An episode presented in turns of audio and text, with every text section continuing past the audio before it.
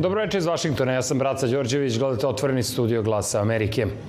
Posle telefonskog razgovora sa američkim državnim sekretarom Antonijem Blinkenom, a zatim i susreta sa evropskim i američkim izaslanicima Miroslavom Lajčakom i Gabrielom Escobarom, predsednik Srbije Aleksandar Vučić sastao se danas u Beogradu i sa ambasadorima zemalja Kvinte i šefom delegacije Evropske unije u Srbiji. Razgovor je vođeno nastavku dijaloga Beograda i Prištine. Više u prilogu Jovane Đurović i Rade Tarankovića.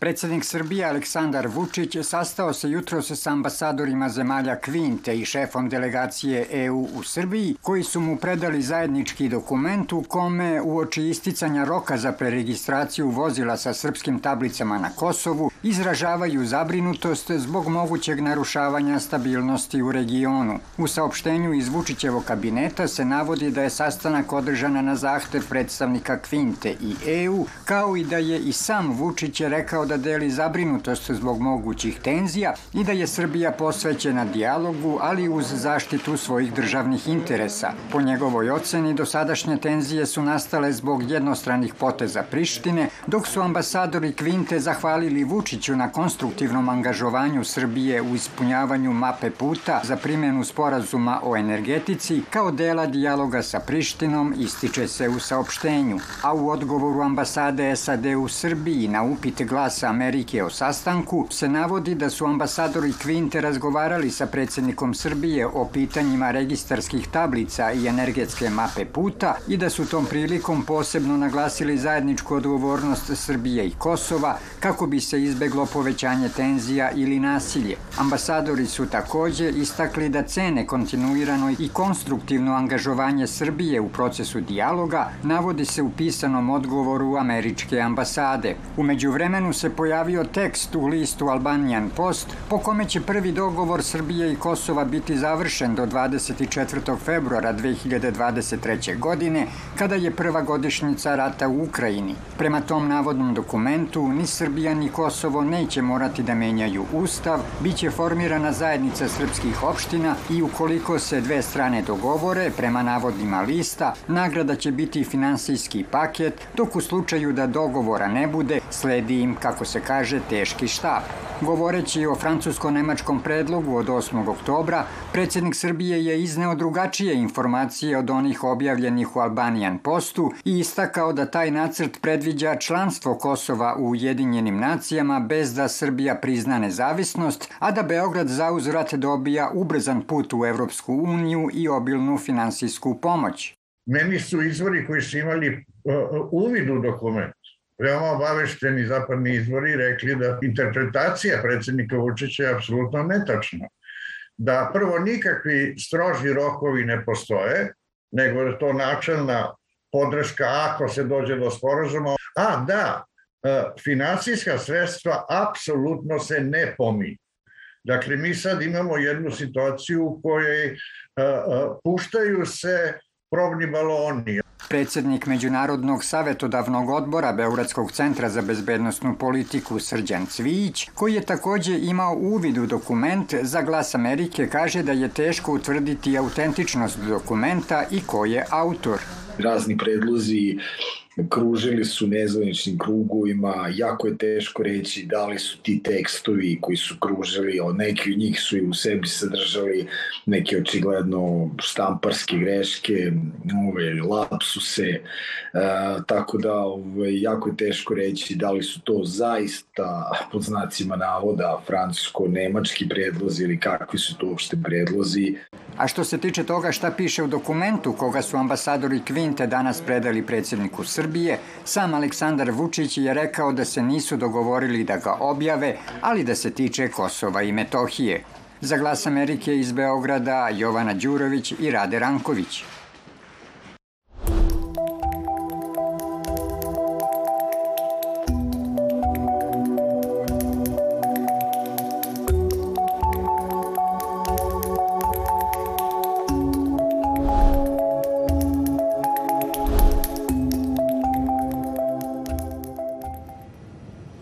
Poslanici Skupštine Crne Gore danas su raspravljali, ali nisu glasali o izboru nedostajućih sudija za kompletiranje Ustavnog suda, čime bi shodno preporukama iz izveštaja Evropske komisije stvorili uslove za brži napredak zemlje ka Evropskoj uniji. Rasprava o izboru sudija bila je u senci predloga za dopunu dnevnog reda o inicijativi premijera u tehničkom mandatu Dritana Abazovića za razrešenje ministra odbrane i vanjskih poslova Raška Konjevića i Ranka Krivokapića. Izveštava Sanja Novaković. Dogovora parlamentarnih stranaka o kompletiranju najvažnije pravne institucije u zemlji Ustavnog suda i dalje nema. Skupština je raspravljala, ali do večeras nije glasala o izboru nedostajećih sudija tog suda. Na osnovu onoga što je saopšteno tokom plenarne rasprave, malo je vjerovatno da će četvoro predloženih sudija dobiti potrebnu dvotrećinsku podršku 54 od 81 poslanika. Iz DPS je saopšteno da neće glasati o kandidatima za sudije Ustavnog suda. Smatraju da taj proces predstavlja lažan pokušaj pokušaj da se obezbijedi funkcionalnost Ustavnog suda, a zapravo krije suštinsku namjeru da se i ta vitalna državna institucija drži u stanju blokade. Poslanik DPS Daniel Živković kazao je da nije su stvoreni uslovi za odblokiranje Ustavnog suda. Mislim da nismo dali punu šansu dijalogu i mogućem postizanju konsenzusa da bismo deblokirali Ustavni sud ili rad Ustavnog suda kroz izbor četvoro sudija koje su, ajde da kažemo sada, predložene od strane Ustavnog odbora. To je, to je prva stvar, jer izostao je konsenzus i dijalog. Iz Demokratskog fronta su ukazali da DPS od početka ne želi da izabere sudije Ustavnog suda. Imali su i ponudu za tu partiju. Glasajte danas za sudije Ustavnog suda. Mi vam obećavamo da ćemo biti super konstruktivni u izboru preostala tri člana sudskog savjeta i ovdje će biti, ovdje će da bude 20 glasova 20 glasova ovaj e, demokratskog fronta. Ponudom je odgovoreno i iz DPS. Ja molim gospodina Mandića, Kneževića ili Radunovića da ustanu i da kažu da se slažu sa vrijednostima NATO saveza kojima ako to ustanete, evo vaša ponuda je ponuda je apsolutno apsolutno prihvaćena. Izbor preostalih četiri od sedam sudija Ustavnog suda na kome insistira i Brisel omogućio bi da se otkloni pravni zastoj nastao padom vlade Drita Nabazovića i odbijanjem Đukanovića da prihvati kandidata tjesne većine Miodraga Lekića za mandatar, kao i inicijative partija pobjednica izbora 2020. za razrešenje Đukanovića sa funkcije predsjednika. Raspravo o izboru sudija bila je međutim u sinci prijedloga predsjednice Skupštine Danijele Đurović da dnevni red dopuni raspravom o inicijativi premijera u tehničkom mandatu Drita Nabazovića za razrešenje ministra odbrane Raška Konjevića i vanjskih poslova Ranka Krivokapića. U SDP-u smatraju da nema prostora za raspravu o tome. Da smijenjeni premijer traži smjenu smijenjenih svih ministara. Ovo je nezapančeno. Stavljanjem da se ovo stavi na dnevni red, gazi tu stav Crna Gori poslovnik. I vi ste u zoni krivične odgovornosti. I vi ćete krivično odgovarati i mi ćemo podnijeti krivičnu prijavu protiv vas. Iz građanskog pokretura kažu međutim da je normalno da vlada zatraži da se prijedlog za smjenu ministara uvrsti u dnevni red, jer kako je naveo poslanik Miloš Konatar, oni su ministri dok se ne izabere nova vlada. Iz Podgorice za glas Amerike, Sanja Novaković.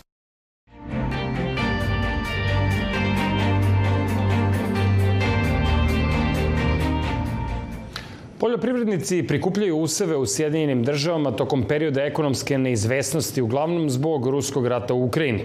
Farmeri pokušavaju da maksimalno iskoriste veće cene žitarica dok se bore sa spoljnim faktorima koji utiču na njihove poljoprivredne operacije. Dobra vest za Benjamina Rajsa je da su cene kukuruza i soje koje uzgaja na svojoj farmi u Illinoisu ove godine porasle. U poređenju sa dve godine mi smo u raspunu od tih 50 odsto to je ako uspe da ih proda na vreme. Svakog dana vidimo promene od 10, možda 15 centi za kukuruz i 30 do 70 centi za soju. Dakle, ako možete da prodate danas za 70 centi više od onog što će biti sutra, to više nisu male promene, pa je marketing dodatno težak zbog toga. Doprinos stalnim promenama cena su faktori koje farmeri ne mogu da kontrolišu, kao što su vremenske prilike i suše povezane s tim, koji snižavaju nivo vode u reci Mississippi i sprečavaju barže za prevoz useva da lako plove do međunarodnih luka. Dok su visoke cene useva obično dobre vesti za poljoprivrednike, ove godine dolaze sa lošim vestima. Troškovi poslovanja su takođe povećani. Cena dizel goriva koje pokreće poljoprivredne mašine je blizu najviših iznosa svih vremena kao i cena azotnih đubriva koje farmeri koriste za svoje useve kako bi im pomogli da rastu. Azotno đubrivo je 40% iznad cene prošle godine i preko 100% više nego pre dve godine. Dok je njegova farma daleko od linije fronta, posledice rata u Ukrajini, prekid u snabdevanju prirodnim gasom i drugim imaju posledice po rajsova polja na srednjem zapadu Sjedinjenih država. I čim je to počelo, brojke su eksplodirale u vezi sa našim troškovima. Od tada ti troškovi nisu opali. Već gledaju cene za sledeću godinu gde vide trostruku povećanje. Diane Bloomberg iz Poljoprivrednog biroa Illinoisa kaže da ne postoji kratkoročno rešenje za smanjenje troškova za đubrivo. Ne možete samo da povećate proizvodnju đubriva, za to su potrebne godine.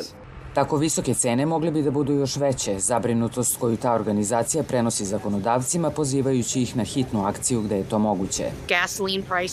Cene benzina i otvoren i dostupan lanac snabdevanja su ono što imamo u vidu, jer je ta oblast izuzetno regulisana. Dakle, vlada može da interveniše u odnosu na faktore koji regulišu troškove. Ono što farmeri ne traže za sada, kaže Bloomberg, je povratak direktnim državnim plaćanjima kako bi se nadoknadili povećani troškovi.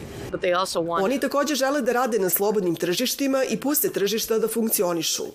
Kako se rat u Ukrajini nastavlja, cene hrane nastavljaju da rastu, a inflacija opterećuje ekonomije širom sveta. Sve to u vreme kada farmer Benjamin Rice ove jeseni donosi teške odluke o primjeni đubriva. Želim da smanjim količinu, ali ne previše, da ne bih na kraju oštetio useve sledeće godine. To je delikatno balansiranje za koje Rice očekuje da će trajati i duže i od inače nestabilne poljoprivredne sezone.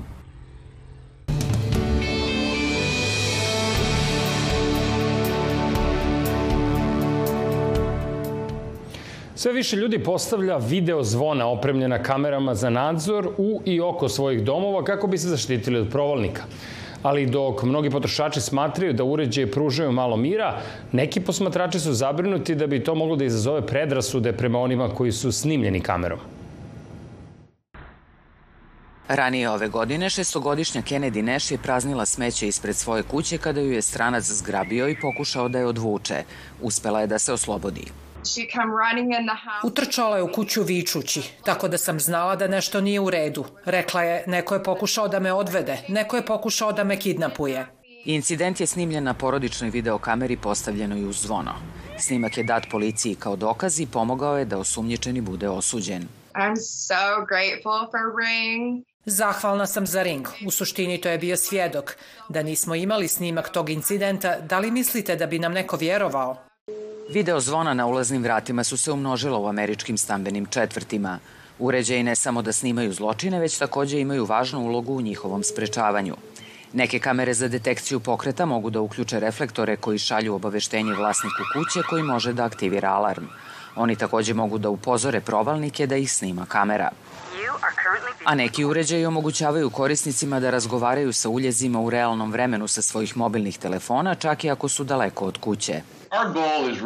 Naš cilj je da učinimo susedstvo bezbednijim, bez obzira da li ste zapravo kod kuće ili niste kod kuće.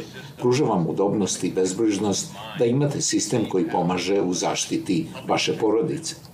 Ali kako se sve veći broj ljudi okreće uređajima za nadzor, neki posmatrači izražavaju oprez da tehnologija i objavljivanje video zapisa na sajtovima društvenih medija mogu da podstaknu širenje rasnih stereotipa.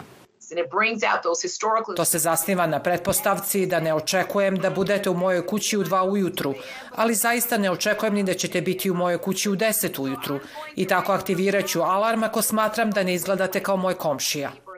Što može da učini susedstva manje prijateljskim prema pridošlicama. Imate taj komercijalni uređaj, ali on vas ne čini novim policajcem koji patrolira u vašem komšiluku. Turner Lee se zalaže za transparentnost kao što je postavljanje dvorišne table kojom bi ljudi znali da je oblast oko kuće pod nadzorom i takođe za uzimanje u obzir pristrasnosti koje korisnik može da prenese na ono što vidi. Predviđa se da će prodaja video zvona na vratima porasti širom sveta u narednim godinama. Poštovani gledalci, toliko za večeras. Hvala vam na pažnji i budite sa nama i naredne nedelje. Do tada pratite nas na internetu na adresi glasamerike.net i na našim društvenim mrežama. Ja sam Braca Đorđević iz studija 51 Glasa Amerike u Vašingtonu. Želim vam prijetno večer i laku noć.